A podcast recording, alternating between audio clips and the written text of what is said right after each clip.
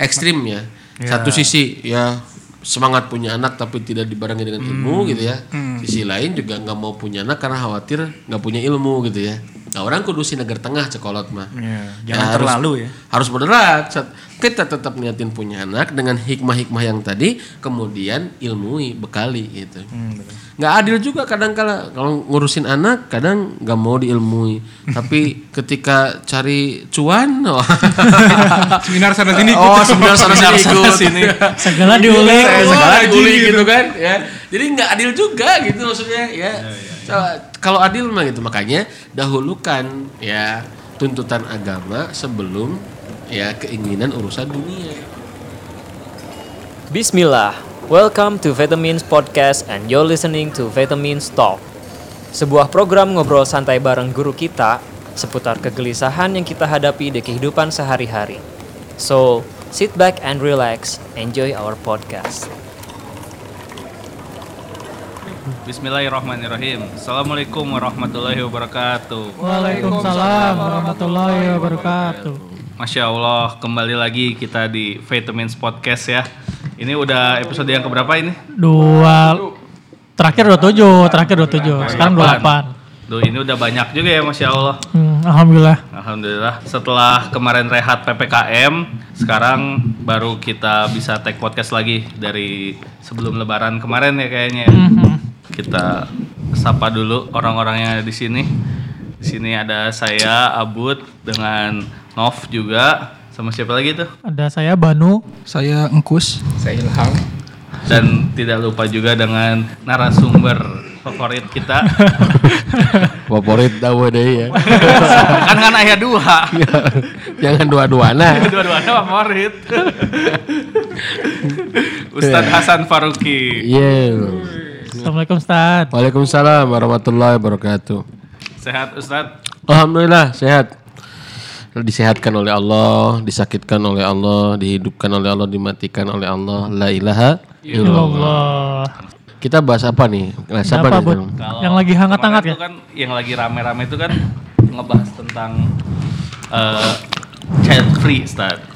Kan Hmm. kemarin berawal dari story selebgram yang nggak usah kita sebut namanya lah. Lagian udah pada tahu juga kayaknya. Eh, dia tuh komen tentang prinsipnya untuk nggak mau punya anak gitu atau yang kita biasa sebut child free. Seumur hidup gitu ya. Iya, seumur hidup gitu. Nggak tahu temporari sih. nah dari sana tuh kan mulai meledaklah opini itu tentang child free. Ada yang mengamini, ada juga yang membenci. Ada yang ikutan-ikutan. Ya, kayaknya. ada yang ikut-ikutan. Saya tuh jadi ngulik-ngulik lah sum- berbagai sumber, terus temulah childfree.net. Lalu dapat tulisan ini eh, di bio-nya tuh tulisannya kayak gini. Ini di tran- translatnya ya. Kami adalah sekelompok orang dewasa yang semuanya memiliki setidaknya satu keinginan yang sama, yaitu kami tidak ingin memiliki anak sendiri. Kami adalah guru, dokter, pemilik bisnis, penulis, pakar komputer. Kami memilih untuk menyebut diri kami child free daripada childless. Soalnya kalau childless itu menyiratkan bahwa kami kehilangan sesuatu yang kami inginkan. Sebenarnya tidak. Jadi ini tuh keputusan yang disengaja bukan berarti suatu sebab yang belum bisa memiliki anak gitu. Tapi memang diniatkan gitu. Jadi kami menganggap diri kami child free atau bebas anak adalah bebas dari kehilangan kebebasan pribadi, uang, waktu dan energi yang dibutuhkan untuk memiliki anak gitu. Nah dari situ tuh saya mulai ngulik lagi, ngulik lagi tentang kenapa sih nggak mau punya anak gitu. Sekedar pengen tahu aja alasannya. Terus saya dapat beberapa jawabannya tuh kayak gini. Yang pertama itu eh, salah satunya isu fisik. Jadi secara fisik tuh dia tuh punya penyakit turunan gitu, yang dia tuh tidak memampukan untuk memiliki anak gitu, atau eh, ya mungkin dia sakit-sakitan jadi kalau punya anak, aduh bakal ribet deh kayak gitu. Nah itu salah satunya. Terus yang kedua, nular ya maksudnya. ya Atau bisa mungkin jadi bakal anaknya, nular gitu. anaknya bakal sakit juga kayak apa? ya? Talasem talasemia kan itu kan? Iya, diabetes. kayak gitu. Menurunkan gitu ya. Iya, nurunin. Turunin penyakit ya. Nah ya kayak gitu. Eh, terus ada kondisi psikologis juga. Jadi yang tadi psikologis itu karena punya kelainan masalah mental. Kayak misalnya eh, saya belum selesai dengan diri saya sendiri. Biasanya kan umum kayak gitu ya katanya. Ngurus sorangan wae can bisa. Eh, gitu.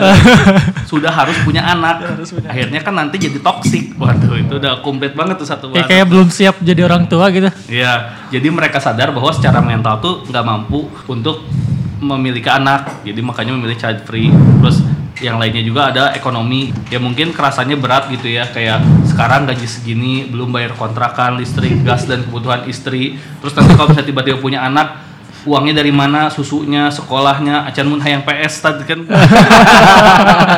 Bener sebenarnya mun hayang PS mah gampang. Disunat lah kayak nu mere PS tapi. PSG Telepon beat. Terus ada faktor lingkungan gitu. Ini mah gagah-gagahan sih ini aktivis lingkungan kayaknya nih. Jadi dia merasa oh hidup ini di dunia sudah terlalu padat. Ada yang bilang sudah global warming dan sebagainya. Dia belum dia, dia belum main ke Pengalengan kayaknya. Tiris ya Sat. Enggak banyak lapangan sana. Dan dia tuh jadi tidak mau menambah kerusakan alam dengan satu lagi jiwa. Cie, Masya Gimana kalau yang dilahirkannya itu adalah orang yang berguna gitu ya? Jadi, jadi tidak Iya, ingin gitu. mem- membuat generasi baru gitu ya. Iya, generasi tidak- baru yang membuat- merusak gitu. Iya. Terus ada lagi ini alasan personal nih. Kayak salah satu contohnya ya beberapa contohnya lah kayak nggak mau kehidupannya berubah setelah punya anak gitu. Mungkin kayak wanita karir atau artis yang lagi puncak-puncaknya. Terus kalau punya anak kan nanti jadi harus cuti dulu gitu, ngurus anak dan lain-lain. Sementara momennya tuh dia tuh lagi naik-naiknya gitu. Jadi lebar kalau dilepas. Jadi mending milih child free aja. Itu salah satunya aja. Soalnya di Prancis mah kalau nggak salah banyak yang nggak mau punya anak. Jadi kalau kita punya anak di sana tuh justru malah dibiayain pemerintah. Apalagi di Finlandia dari sejak 2013 tuh setiap bayi yang lahir di kota apa ini Lesti Jarvi gitu apa bacanya nggak tahu salah satu kota terkecil di Finlandia pokoknya ya satu anak tuh bernilai 10.000 euro atau setara 155,5 juta. Dan itu dicicil sama pemerintah dalam waktu 10 tahun gitu. Jadi dikasih tunjangan gitu. Karena penduduk di sana tuh sedikit, cuma 800-an. Iya iya. Karena pada nggak mau punya anak di situ Di gitu. Jepang juga. ya. Jadi sebenarnya Di Jepang krisis. Ada yang mendukung, ada yang tidak gitu. ya. Iya gitu. Ada yang mendukung, ada yang enggak ya. Nah, kalau kita mulai obrolan ini nih, mending kita mulai ngebahasnya dari mana Stats? Apa dulu nih? Iya. Eh, Bismillahirrahmanirrahim. Alhamdulillah wa syukurillah la haula wa la quwata illa billah. Allahumma salli wa sallim ala nabiyina Muhammad wa ala alihi wa sahbihi wasallam. Alhamdulillah teman-teman kita bisa ngumpul lagi ngariung lagi ya di acara podcast vitamin ya atau vitamin talk ya. Eh, iya betul ya. Vitamin talk betul ya. Oke. betul. Ya eh, bisa ngariung lagi dan kita udah lama nih ya. Eh, belum ngopi-ngopi bareng lagi gitu ya ngobrol santai. Nah, nah eh, ini kan isu terkini ya, salah satu lah, salah satu isu yang ada di terutama di kalangan anak-anak muda itu ya terkait dengan apa sih child Child free. child free gitu ya, child free itu atau ya pi- pingin bebas punya anak ya gitu, bebas dari memiliki anak gitu ya. Iya. Dan apa namanya itu berdasarkan pilihan bukan karena faktor ketidaksengajaan. Jadi misalkan dia pingin punya anak tapi ada faktor lain yang membuat dia nggak punya anak bukan itu kan? Iya, bukan. Tetapi memang sudah pilihan ketika dia mampu punya anak itu ya dia nggak mau punya anak gitu ya. ya kita ngebahasnya dari mana ya? Ya ngebahasnya sebetulnya dari cara pandang kita sebagai seorang muslim ya. Ya karena child free ini sebetulnya bukan hanya tinjauan syar'i tapi juga nggak manusiawi. Hmm. Iya. Men- melawan fitrah yang alami sebetulnya. Ya melawan bisikan hati nurani ya. Iya. Kenapa? Karena eh, apa namanya? Kita sebelum berbicara secara syar'i ya, ah, yang membuat kita terikat sebagai seorang yang apa namanya menganut agama mus Islam misalkan ya. Terikat dengan syariatnya. Secara manusiawi saja kita membutuhkan keturunan. Itu. Ya ciri-ciri makhluk hidup di pelajaran kelas 3 SD kan berkembang biak. Oh berkembang ya. biak, ciri-ciri makhluk hidup. ya. Masih ingat ya? Masih ingat Tiga ya. Bernapas, ya. bergerak, berkembang biak. Eh, bernapas, bergerak, berkembang biak. Berarti child free ini melawan nurani, melawan ah, fitrah yang alami. Ya, berarti kan bukan makhluk hidup kayaknya gitu ya. gitu ya. Jadi eh, secara nurani sudah bertentangan sebetulnya. Ya bahkan kalah sama hewan kan gitu kan. Iya. Ya hewan aja berkembang biak masa lu enggak sih gitu ya. Spanduk rokok. gitu ya. Ya dan yang mendapatkan kesulitan sebenarnya bukan orang lain. ya bukan orang lain ya yang pertama ya yang memilih jalan hidup itu yang gak mau punya anak gitu Eh, apa namanya ya dia eh, akan mendapatkan kemadorotan atau kesulitan hidup dia. Lah lu dia kalau nanti punya harta diwarisin sama siapa? Ya, ya. Disumbangin saat Eh, gitu ya LSM. ya gitu. gitu kan. Eh, apa namanya? Terus pertanyaannya nah dia yang memilih child free ini anak siapa? Kan kan dia juga dilahirkan ya. Gitu kan. Eh, makanya kalau apalagi mau jauh lebih jauh ya ya ini bertentangan dengan pancasila ya ya satu ke- sila ketuhanan yang maha esa terus sila yang keempat apa beradab dan Kemanusiaan. kemanusiaan yang adil dan Beradab. beradab. ah. Nah, itu keberapa sila keberapa tuh? Antum oh, keberapa nih? Kedua. Kedua. Apalna berkembang biak hungkul. Ada itu apa Pancasila ya. ya. Nah, antum nggak lulus jadi warga negara Indonesia ya. Jadi bertentangan sebetulnya karena nggak nggak beradab. Kenapa nggak beradab? Lah mau dibilang beradab gimana kalau kita nggak tahu terima kasih kan? Berarti kan seolah-olah orang yang child free itu seolah-olah dia tidak berterima kasih kepada orang tua yang sudah melahirkan. Iya, iya. Ya? Iya kan? Seolah-olah menyalahkan orang tuanya punya anak kan gitu kan? Seharusnya yang berpikiran child free itu berharap orang tuanya juga child free iya. supaya dia nggak lahir. Iya begitu kan. Tapi kan dia hidup kan. Iya. Kita tanya lah, lu bisa nikmatin hidup nggak lu gitu kan? Lu ngerasa hidup nikmat nggak? Nikmatnya. Nah, lu lahir dari mana kan gitu kan? Ya ente lahir dari mana kan begitu ya. Jadi eh, apa namanya ya itulah yang saya sebut dengan melawan fitrah yang alami atau melawan hati nurani gitu ya. Ya jangankan secara syar'i gitu maksud saya. Ah, apa namanya nggak nggak logika aja nggak masuk gitu ya. Ah, alasannya apa tadi alasannya? Alasannya eh, salah sa- yang pertama mah kan eh, isu fisik Isu ya. fisik. Maksudnya ada masalah eh, sakit gitu. Ya keturunan ya. Ya sakit penyakit turunan Ya gitu. kalau itu secara medis memang membahayakan itu oke, Ya, dibolehkan dalam Islam. Kalau itu membahayakan misalkan. Tetapi kalau apa namanya eh, tidak membahayakan dan kemudian juga masih bisa diobati ya, begitu. Ya, makanya nanti kita kembali kepada apa sih fungsi anak, apa sih tujuan punya anak gitu. Itu. Makanya saya juga terima kasih banget ya ke teman-teman atau ke orang-orang yang nge ngepropa ngepropagandain Eh, iya. child free itu ya, yaitu saya terima kasih banget tuh ya. Kenapa? Karena menyadarkan kita untuk kembali mengokohkan niat kita. Kenapa kita punya anak? Iya, iya, benar. Sepakat gak? Sepakat, sepakat. Ya, karena sekarang juga nggak sedikit orang yang pilihannya nggak child free, dia punya anak tapi ideologinya atau pemikirannya kayak orang yang child free gitu, nggak mau ngurus anak gitu kan, punya anak tapi malas ngurusnya kan gitu kan, atau ngerasa kalau ada sesuatu anak teh beban gitu kan, jadi kepaksa punya anak teh, lah ente kenapa punya anak, lu kenapa punya anak, ya gua punya anak udah nikah masa sih nggak punya anak kan gitu kan, jadi banyak orang yang punya anak sesederhana itu. Nah, lu punya anak kenapa, kenapa lu? Lah gue punya anak cuman lucu-lucuan aja katanya. lucu-lucuan aja. Sesederhana itu coba bayangin punya anak. Ya. Padahal dia punya anak, akhirnya apa? Lihat ketika dia proses punya anak gak tanggung jawab, cuman cuman ngurusin jasadnya, nggak pernah ngurusin mentalnya gitu kan ya. nggak pernah ada kasih sayang, nggak pernah ada kepedulian gitu. Itu. Jadi eh, apa namanya? Ya jadi kalau saya sih ya, ya terima kasih tanda kutip ya.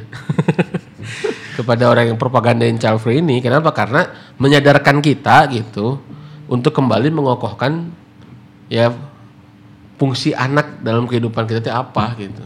Ini penting banget loh. Hmm. Karena itu yang akan membuat perilaku kita benar ketika ngedidik anak gitu. Ketika punya anak, ngelolanya pas, pas- pasti benar gitu. Sekarang banyak anak yang tidak di- dididik atau tidak dibersamai oleh orang tua karena orang tuanya merasa punya anak beban. Iya, iya, iya. Punya anak beban. Jadi diam-diam child free juga. Ya dia Chelsea. ya diam-diam gitu ya. Paham gak maksud saya? Diam-diam ya. Gitu. Atau menyesal ya, menyesal. Menyesal punya anak gitu ya. Kaduhung. kaduhung atau kapaksa ku kultur ya kapaksa ku tuntutan gitu kan atau bisa jadi gengsi-gengsian kan merasa tidak punya kejantanan misalkan ya misalkan aduh aku malu nih nggak punya jadi kan kalau punya anak sudah membuktikan Buktikan. oh gitu kan ya misalkan contoh gitu ya. jadi sehingga kan nggak lurus juga kan niatnya kan ya nggak lurus juga kan niatnya jadi penting gitu. Makanya eh, kita jadiin tema sekarang itu gimana kita memiliki eh, apa namanya me- mengokohkan kembali gitu. Nah sih tujuan orang boga budak teh gitu ya? Kenaon sih kita tuh punya anak teh gitu? Buat apa gitu ya? Tujuannya. Nah itu itu pe- penting banget gitu ya. Begitu. Walau alam gimana? Ya itu berarti paling ya. Berarti kayak apa? Mendefinisikan lebih jelas gitu ya. Betul. Untuk, untuk apa tujuan punya anak, apa makna anak buat keluarga mungkin. betul Nah kalau dari Islam sendiri apa tuh? Nah, kalau dari Islam ada beberapa hal ya fungsi punya anak itu. Yang pertama kalau kata Imam Al Ghazali tentu adalah untuk mendapatkan keriduan Allah. Ya, keriduan Allah. Karena ketika kita seorang melahirkan punya anak, ya dihidupkan, dipilih jenis kelaminnya, dihidupkan, disehatkan, dipelihara oleh siapa? Oleh Allah. Berarti kita punya anak sebetulnya adalah amanah dari amanah dari Allah. Anak kita bukan milik kita, Bro. Ya. Ya, anak kita milik Allah. Allah titipkan hambanya yang statusnya jadi anak kita. Hakikatnya punya siapa? Punya Allah. Ya. Ya, jadi Allah yang nentuin laki-laki perempuan kan gitu kan? Iya. Ya susah senangnya sehat sakitnya kan? Betul nggak? Ya Allah. Jadi apa namanya? Eh, kita harus memahami hakikat ini ya. Jadi yang pertama ya untuk mendapatkan keriduan Allah. Jadi ketika kita punya anak ya mudah-mudahan ini bagian daripada cara kita mendapat untuk mendapatkan keriduan keriduan Allah Subhanahu wa taala karena anak kita adalah hamba Allah ya itu ya dihidupkan oleh Allah. Orang kalau nggak diizinin punya anak ya nikah belasan tahun juga nggak nggak punya anak gitu maksudnya. Atau Allah belum mampukan juga belum punya anak gitu. Walaupun dia walaupun dia ingin gitu. Ya makanya anak itu adalah titipan Allah. Ya itu yang pertama sih ya. Kata Imam Al Ghazali niatkan untuk mendapatkan keridhaan keridhaan Allah. Yang kedua ya dalam Islam itu anak itu adalah investasi akhirat. Tabungan akhirat begitu ya. Makanya kalau ente-ente atau kalau kita kita punya anak jangan berharap kita punya keberuntungan di dunia. Wah ini anak anak gua harus gua jadiin anu anu anu biar nanti bisa menghasilkan nanti feedbacknya atau apa namanya Mendapatkan Oh, mendapatkan apa namanya keuntungan kita gitu ya dari hasil kerja anak kita atau dari enggak itu udah Kayak udah di sekolahin nih, udah mahal-mahal. Oh. Pas tua pasti dapat profit nih. ah profit gitu. buat kita nah. Ya, itu udah afwan ya sorry itu udah niatnya udah gak bener kayak begitu gitu karena nggak akan bisa kebales gitu ya makanya kenapa kita harus birul walidain bahkan amalan yang paling dicintai oleh Allah setelah sholat lima waktu tepat waktu itu adalah berbuat baik kepada kedua orang tua baru setelah itu jihad bisa belilah karena memang kebaikan orang tua nggak bisa dibalas sama kebaikan kita nggak bisa.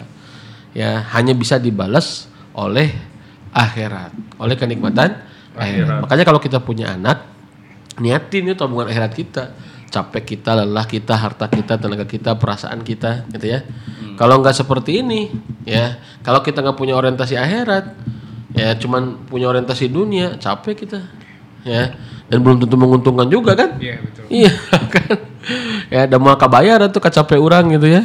Tenaga kita harta kita nggak akan belum tentu kebayar sama anak kita kan? Iya begitu ya. Jadi niatkan kalau punya anak itu adalah untuk investasi akhirat gitu. Ya untuk menyelamatkan kehidupan akhirat kita juga gitu. Kalau nggak punya niat kayak begini mah berat kita. Ya berat Kalau ya. dipikir kayaknya wah bakal pusing sendiri gitu tadi. betul ya. Merawatnya wah sampai oh merawatnya mendidiknya ya. Dan nggak selalu mulus kan? Iya iya. ya bukan nggak selalu mulus memang jarang mulus. Bener bener bener. Bener bener. gitu ya maka harus punya orientasi akhir akhirat yang kuat gitu. Ya tidak akan terbalas di dunia di akhirat begitu ya. Maka eh, kita punya anak karena punya orientasi selamat di akhirat. Ingin anak kita menjadi jariah atau buat kita gitu ya. Iya, Ah, nanti eh, cek pari cekolot mah ya amal yang mengalir gitu ya. Amal yang mengalir buat kita. Sampai ada seorang seseorang itu masuk surga bukan karena amalnya. Ya sampai ada orang tua yang masuk surga, "Anna lihadza." Ya Robbi, kenapa aku punya kedudukan surga seperti ini ya? Tinggi-tinggi banget punya kedudukan surga padahal amalku nggak seberapa. Ya kata Allah, Allah Subhanahu wa taala waktu itu ber- menjawab, nanti menjawab bistighfari wala dikalaka. Itu karena is- karena ampunan anakmu untukmu. Jadi karena anaknya setiap hari minta ampunan gitu ya, Rabbi fili wali walidayya warhamhuma gitu ya. Kama rabbayani shogiro, tahu berdoa misalkan supaya dosa orang tuanya diampuni begitu ya. Allahumma gfir lahu warhamhu misalkan doain gitu ya. Akhirnya orang tua ini apa namanya punya kedudukan di surga. Yang tinggi yang dia tidak menyangka. Ternyata itu salah satu wasilahnya salah satu medianya adalah doa orang tua. Jadi kalau kita nggak punya eh sorry doa anak. Ya doa anak. Ya kepada orang tuanya. Kalau kita nggak punya orientasi akhirat Berat. berat ya. Berat ya. apalagi kalau dihitung-hitung kan tadi juga kan ada kan ekonomi karena eh, nggak mau punya anak karena uangnya segini segini segini segini segini Iya, begitu. Ya, da- ya nggak akan masuk gitu ya. Salah Kalau- hitung-hitungan susah ya? Susah, susah, susah masuknya. Dia nggak akan bisa. Lah, lalu apa yang membuat anda ibadah? Tanya aja. Itu. Kalau dia muslim ya. Lalu apa yang membuat anda ibadah? Kalaupun bukan muslim, coba dia kalau orang beragama, dia punya Tuhan misalkan, yakin nggak dengan kehidupan akhirat? Tanya. ya kecuali memang ateis gitu ya. Dia nggak percaya Tuhan, nggak percaya akhirat. Walaupun ketika ketika ada musibah, oh my god. Iya iya iya. Berarti secara tidak langsung an, pun- anak itu tuh invest salah satu investasi, investasi terbaik dunia akhirat. Iya betul. Ya. Jadi apa namanya kalau tidak punya orientasi ini kita tidak akan bisa. Kayak tadi alasannya misalkan ekonomi ya. Ya sekarang kita ibadah pakai teori ekonomi enggak? Untung rugi. Infak untung rugi enggak? Coba sholat pakai untung rugi enggak? Kalau dia orang beragama muslim ya. Kalaupun dia nggak beragama muslim pasti kan ada ritual ibadah tuh. Ya. Setiap agama kan punya ritual ibadah. Ya tanya coba. Apa keuntungan ekonominya? Iya. Kalau kita mau mau pakai teori ekonomi gitu misalkan, untung rugi gitu ya. Itu. Kadang dia sendiri nggak adil gitu. Iya. Ya, ketika punya anak pakai teori ekonomi gitu ya. Ketika aktivitas yang lain dia nggak pakai teori ekonomi. benar benar benar Ya, coba kita berbuat kebaikan ke orang terasa langsung keuntungan ekonomi? enggak Enggak kan? Enggak. Kalau dia kalau mereka penganut agama gitu maksudnya. Ya, ngerti nggak? Iya iya. Iya. Kan nggak selalu pakai keuntungan ekonomi kan? Iya iya iya. Nah, kenapa ketika punya anak pakai teori keuntungan ekonomi gitu? kebayang kalau misalnya mau punya anak tapi kita ngitung RAB dulu gitu Stad Iya. kayaknya nggak akan kekejar juga sih ngitungnya dari lahir sampai kuliah gitu Iya. Makanya jangankan untuk ngurus anak kan ngurus diri sendiri aja kalau pakai hitung-hitungan manusiawi kita atau hitung-hitungan ekonomi kita belum tentu layak hidup kita. betul tentu layak hidup. Coba aja antum. Iya.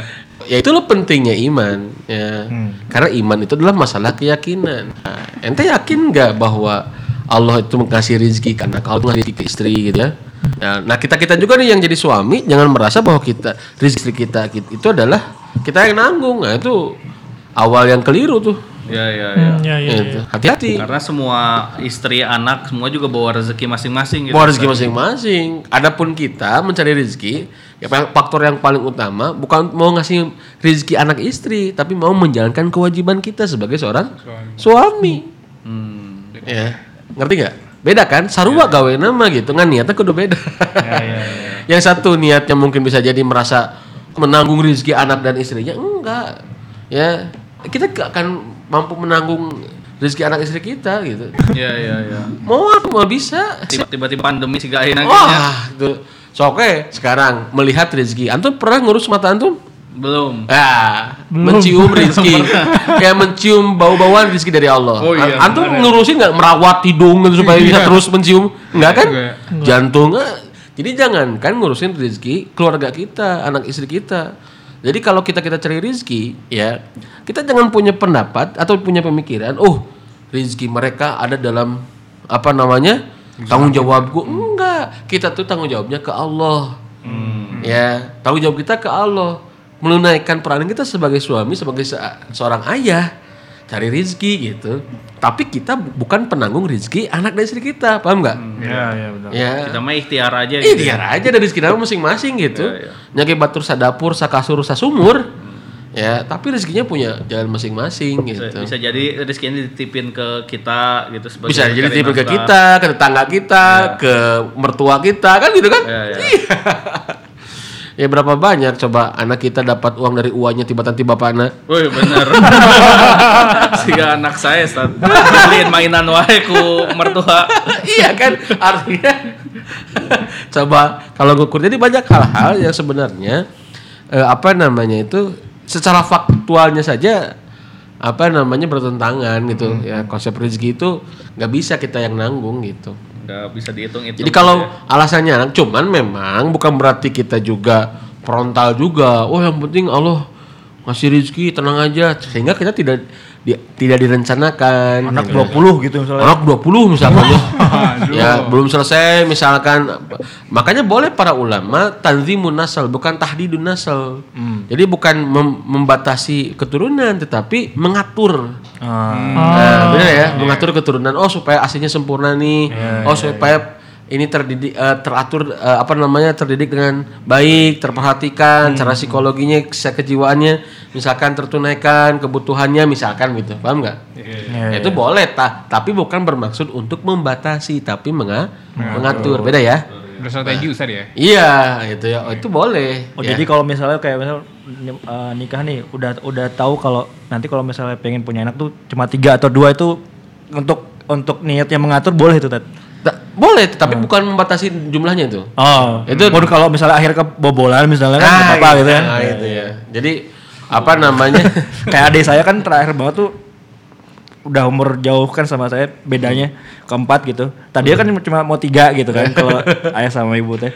Ternyata pas di luar Jawa kebobolan gitu. ya, punya anak lagi. Nah, ya, ya maksudnya awalnya ada niat seperti itu sebenarnya nggak apa-apa tapi bukan maksudnya bukan membatasi ya saudara. Bukan ya, jangan jangan niat untuk membatasi. Terlebih karena ekonomi. Ya, terlebih karena ekonomi, tapi niatkan untuk mengatur.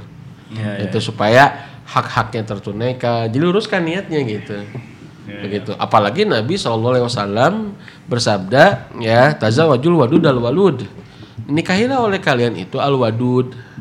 Ya, gadis yang apa namanya perempuan yang penuh penyayang, keibuan, al walud yang bisa melahirkan banyak anak. Fa ini mukathirun bikumul anbiya yaumal qiyamah. Ya kata Nabi ya karena aku akan berbangga nanti di hadapan para nabi dengan banyaknya umat pada hari kiamat. gitu. Itu salah satu ini ya pedomannya juga ya. Iya. Hmm. Gitu kan. Jadi Nabi nah makanya tadi niatkan punya anak itu supaya dapat keriduan Nabi juga. Gitu kan. Selain keriduan Allah, kemudian juga tadi apa?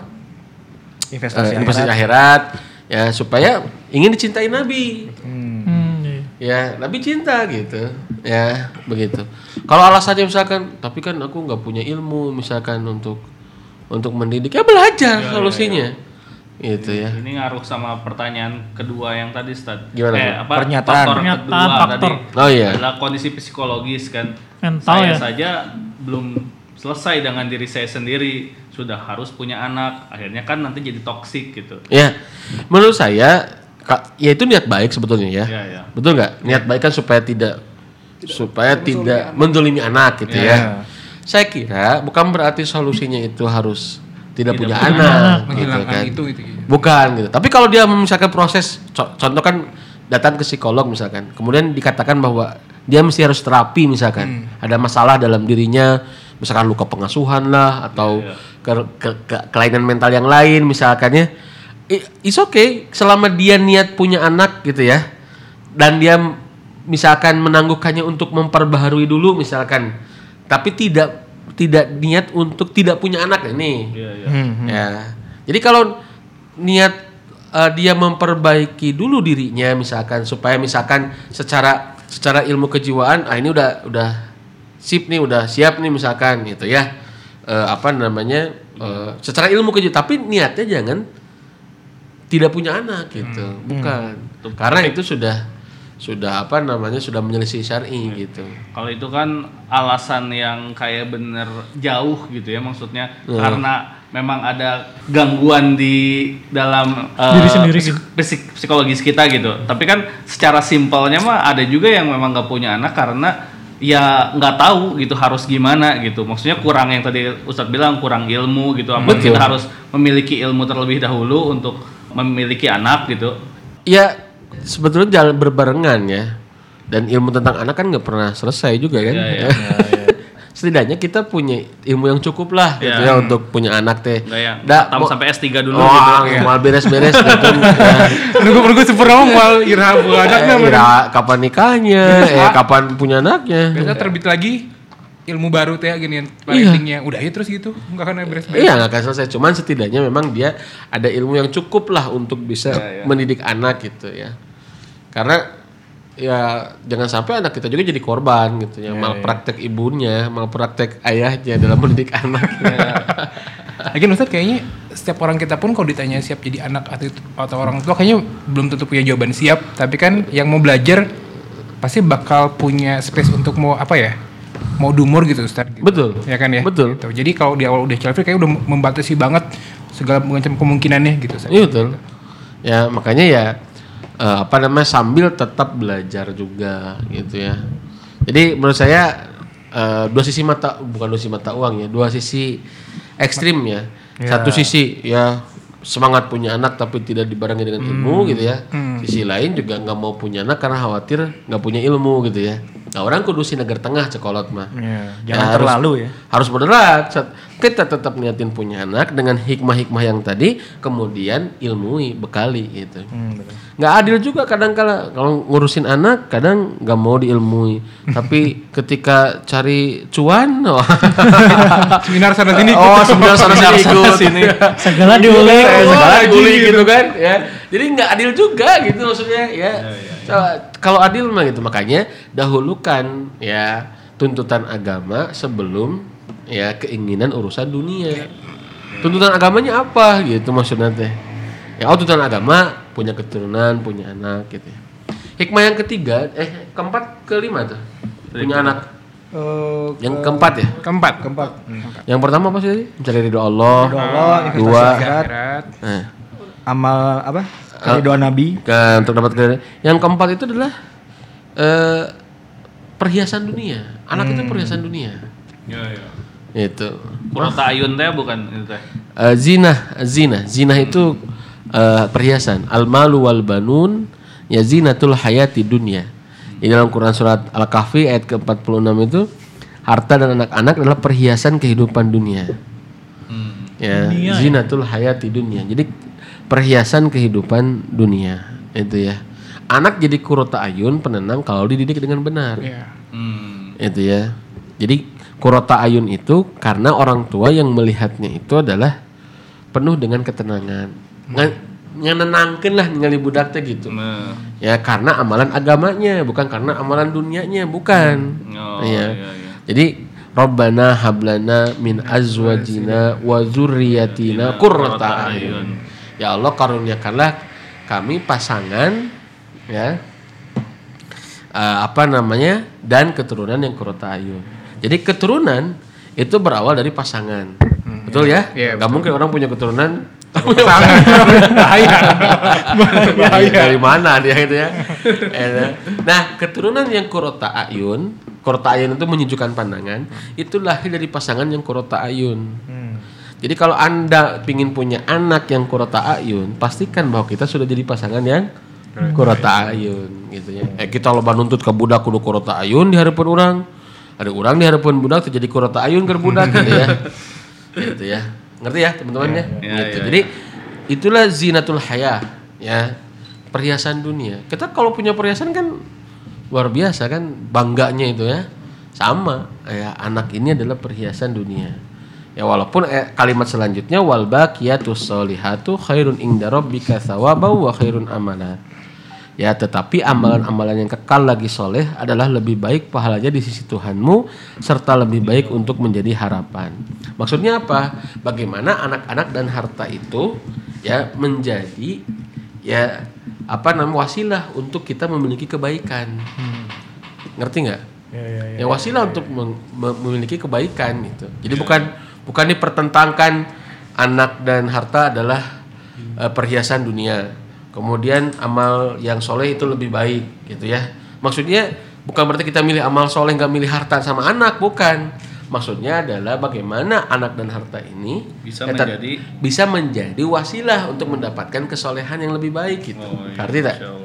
Ya gitu. Itu itu kalimatnya. Jadi nggak sekedar kehadiran anaknya saja, nggak sekedar punya hartanya saja gitu. Tapi bagaimana dua hal ini menjadi wasilah untuk bisa mendapatkan bakiyah as-salihah. Kebaikan yang kekal. Ya, amal soleh yang kekal begitu. Itu lihat selanjutnya ya, ya fungsi selanjutnya. Yang kelima ya fungsi anak itu karena wujud daripada ya tujuan menikah. Ya tujuan menikah punya keturunan, Punya keturunan. gitu ya tujuan menikah itu ya Fitrah berumah tangga tujuannya- gitu. iya salah satu tujuan menikah itu adalah berumah tangga itu adalah untuk mendapatkan keturu keturunan ya. Sampai para nabi pun ya sebagian uh, meminta seperti Nabi Zakaria kan? Iya. Iya. Uh, meminta banget kan anak itu ya. Uh, sampai uh, la tazarni farda ya. Janganlah aku tinggalkan sendirian gak punya keturunan gitu ya. Begitu. Jadi teman-teman sekalian ini mungkin di antara fungsi-fungsi kita punya punya anak ya begitu Ah, apalagi anak kalau diposisikan sebagai kebun akhirat. Kita akan pelihara kita akan jaga gitu ya betul gak ya bagaimana supaya nanti pada waktunya panen berbuah dengan baik kan begitu? Ya, itu filosofi sebetulnya. Ya perumpamaan kalau kita punya anak ya urus atuh gitu. Iya, iya. ya didik dengan benar gitu pelihara jaga dengan baik gitu ya. Tapi ini nampar banget sih yang Nabi Zakaria kan beliau pun sampai umurnya udah menopause sampai tua tetap minta anak gitu ya. Hmm. Sedangkan ini yang influencer ini masih umur-umur yang sangat produktif punya Iya. anak milih untuk tidak itu bagi saya pribadi nampar banget sih itu Ustaz gitu. Iya, pastilah. Karena ya tapi begitulah kalau sudah beda cara pandang ya. Iya. Ya kalau sudah beda cara pandang akan perilakunya pun akan ekstrim banget gitu bedanya gitu. Gak usah heran, dan ini akan berlaku nanti sepanjang masa ya. Kaidah yang seperti ini gitu kan. Walaupun hari ini salah satu bentuknya adalah child free itu gitu ya. Itu kan sebetulnya apa ya? eh, ungkapan atau wujud daripada ketidakyakinan gitu ya. Dan mau lepas tanggung jawab gitu Iya. ya tidak mau punya tanggung jawab ya terhadap anak dan lain sebagainya. Walau alam bisawab teman-teman. Oke. Ustaz ketika gini kan ini child free dari sudut pandang perempuan Ustaz ya. Tapi ketika dia berpasangan dan ada suaminya dan suaminya harus jawab dan kita misalkan kita menikah dan ternyata pasangan kita milih untuk child free dan kita sebagai suami ini yang punya anak harus kayak gimana sih gitu? Oh, berarti ya perempuannya sudah berbuat nusud, durhaka ke suaminya gitu ya. Ya tentu kan itu kan salah satu tujuan menikah yang pertama. Yang kedua kan eh, perempuan ya selayaknya untuk bisa mentaati suaminya walaupun suaminya tetap kalau mau punya anak pun harus musyawarah dulu kan Iya, betul, Ya, nggak mentang-mentang harus taat wah pulang ke sebelah hiji we gitu ya Kira-kira oke. Nah ini satu sisi, nah ini yang yang digoreng oleh yang digoreng oleh kaum yang menganut child free. Ya, ya. Nah, mereka mengatakan bahwa eh, kebebasan hak repro, hak alat reproduksi Oh, gitu iya. ya. Hmm. Nah ini punya aku sih gitu ya. Masa Iya, lu iya. Eh, ikut-ikutan gitu terserah aku aja kan gitu kan. Yang hamil-hamil aku gitu. Eh, ya gitu. Yang hamil-hamil juga aku, menyusui nanti juga aku, melahirkan juga aku, itu kan bukan kamu kan begitu ya.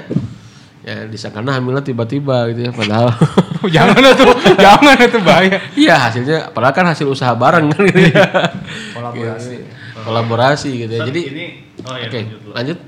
Ini ada pertanyaan dari netizen Ustaz. Hmm. Ada Dua pertanyaan di sini nih. Eh, yang pertama, bagaimana sikap mukmin terhadap child free ini seperti apa? Sikapnya mah ya udah ini dengerin saudara ini ya. Itu banyak banget tadi. Oke oke ini satu lagi satu lagi. Saya takut anak saya kelak tidak bahagia saat beranjak dewasa seperti yang saya rasakan. Karena itu kadang saya mikir untuk lebih prioritaskan kesejahteraan orang tua daripada punya anak. Itu gimana, Ustaz? Ya kan takut kan? Hmm. Ketakutan yang sebenarnya tidak beralasan kan begitu. Ya, ketakutan tidak boleh. Kalau ketakutan yang sebenarnya solusinya bisa kita lakukan gitu kan. Ya. Ya kan sebetulnya. Ah, Terus pertanyaannya eh, nanti kita balik tanya, mau menikah nggak? Ah, mau. Nikah ya kayaknya. Ah, Udah nikah? Belum. Eh nggak tahu. tahu. sih. Kayaknya belum sih. Ya, kalau belum menikah nih tanya kita. Iya. Lah Anda mau menikah nggak? Mau. Kenapa Anda tidak takut tidak bisa membahagiakan suami Anda? Ah, iya betul. Ya. Gitu kan. Anda kerja nggak? Kerja. Kenapa Anda tidak takut tidak bisa memuaskan atau tidak bisa memenuhi amanah di kerjaan Anda? Iya. Nah, atau gawe kene? Bisa galasian banyak. Iya, artinya ya ketakutan itu ketakutan yang sebenarnya nggak berdasar kan Ya, gitu. Dan perlu diilmui juga ya. Jelas. Untuk membersamai proses tersebut. Berjelas. Padahal kan Saya kira apa? sampai apa? Sampai dia besar kan lama gitu ya. Masih dalam proses juga masih bisa dilakukan untuk eh, perbaikan diri dan untuk mendidik anak ya. Betul, ya. Jadi saya kira eh, apa namanya kembali lagi kepada niat punya anak teh apa gitu ya. Niat punya anak teh apa itu maksudnya teh ya. Dan heh itu tidak ah, tidak lantas kita kalau kita ingin berbuat baik kepada orang tua ya tidak lantas kita nggak punya anak gitu. Jadi Allah bisa memberikan kemampuan kayak cinta lah cinta. Emang cinta kayak roti gitu dipotong-potong jadi berkurang gitu. Nanti kalau saya punya anak nanti nggak cinta sama orang tua gitu ya. Iya, iya, iya. Ya ya ya. Lah cinta itu kan nggak seperti roti yang dipotong-potong jadi berkurang. Cinta itu kan seperti sel ya kalau seperti gamat ini kalau dipotong-potong tuh makin berkembang gitu ya. iya. Itu sok orang tua punya anak satu cinta, punya anak dua oh, cinta, punya anak sembilan masih bisa cinta semuanya. Betul. Gitu kan nggak jadi berkurang. Udah habis aja cintanya di anak kelima gitu. Kan bedanya yang bungsu mah makan ikan asin tiap hari. Tetep we. tetap ya Tetap kan? cinta. Ya, jadi nggak nggak nggak begitu insya Allah lah makanya kita saya ngajak yuk lurusin niat ketika kita punya anak mau ngapain gitu kan ya selain dapat keuntungan dunia ya tentu keuntungan keuntungan akhirat ya harus kita hidupkan dalam diri kita ini. Allah alam bisawab teman-teman. Mudah-mudahan bisa bermanfaat ya diskusi kita siang kali ini ya dan bisa meluruskan niat kita lah. Sekali lagi saya saya sangat tanda kutip ya berterima kasih kepada orang-orang yang propagandakan child, free ya. Maksudnya terima kasih di sini adalah mengingatkan kembali gitu ya, mengokohkan kembali ya niat kami ya dalam memiliki ya anak gitu ya fungsi anak teh apa gitu kan tujuan punya anak teh apa gitu ya. Sehingga itulah yang bisa membuat kita lebih Berpikir sabar kembali, gitu ya untuk bisa dalam mengelola anak gitu ya punya anak kita berpikir kembali gitu tuh ya. Meluruskan kembali tujuan niat gitu kan ya.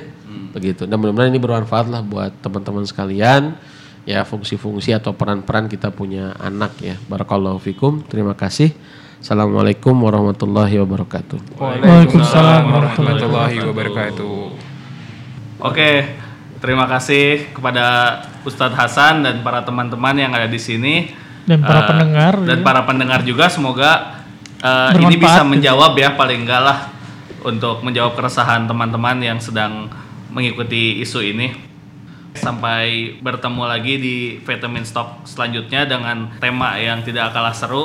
Nanti kita bahas lagi sampai dapat isu yang menarik. ya sampai dapat isu Atau yang menarik atau mungkin kalau ada yang ingin membahas sesuatu bisa DM ke Iya, Instagram ya. iya, buat nanya-nanya. biar kita punya ide-ide untuk Hmm. meramu tema apa lagi yang akan dibahas. Oke, segitu aja. Assalamualaikum warahmatullahi wabarakatuh. Waalaikumsalam warahmatullahi wabarakatuh.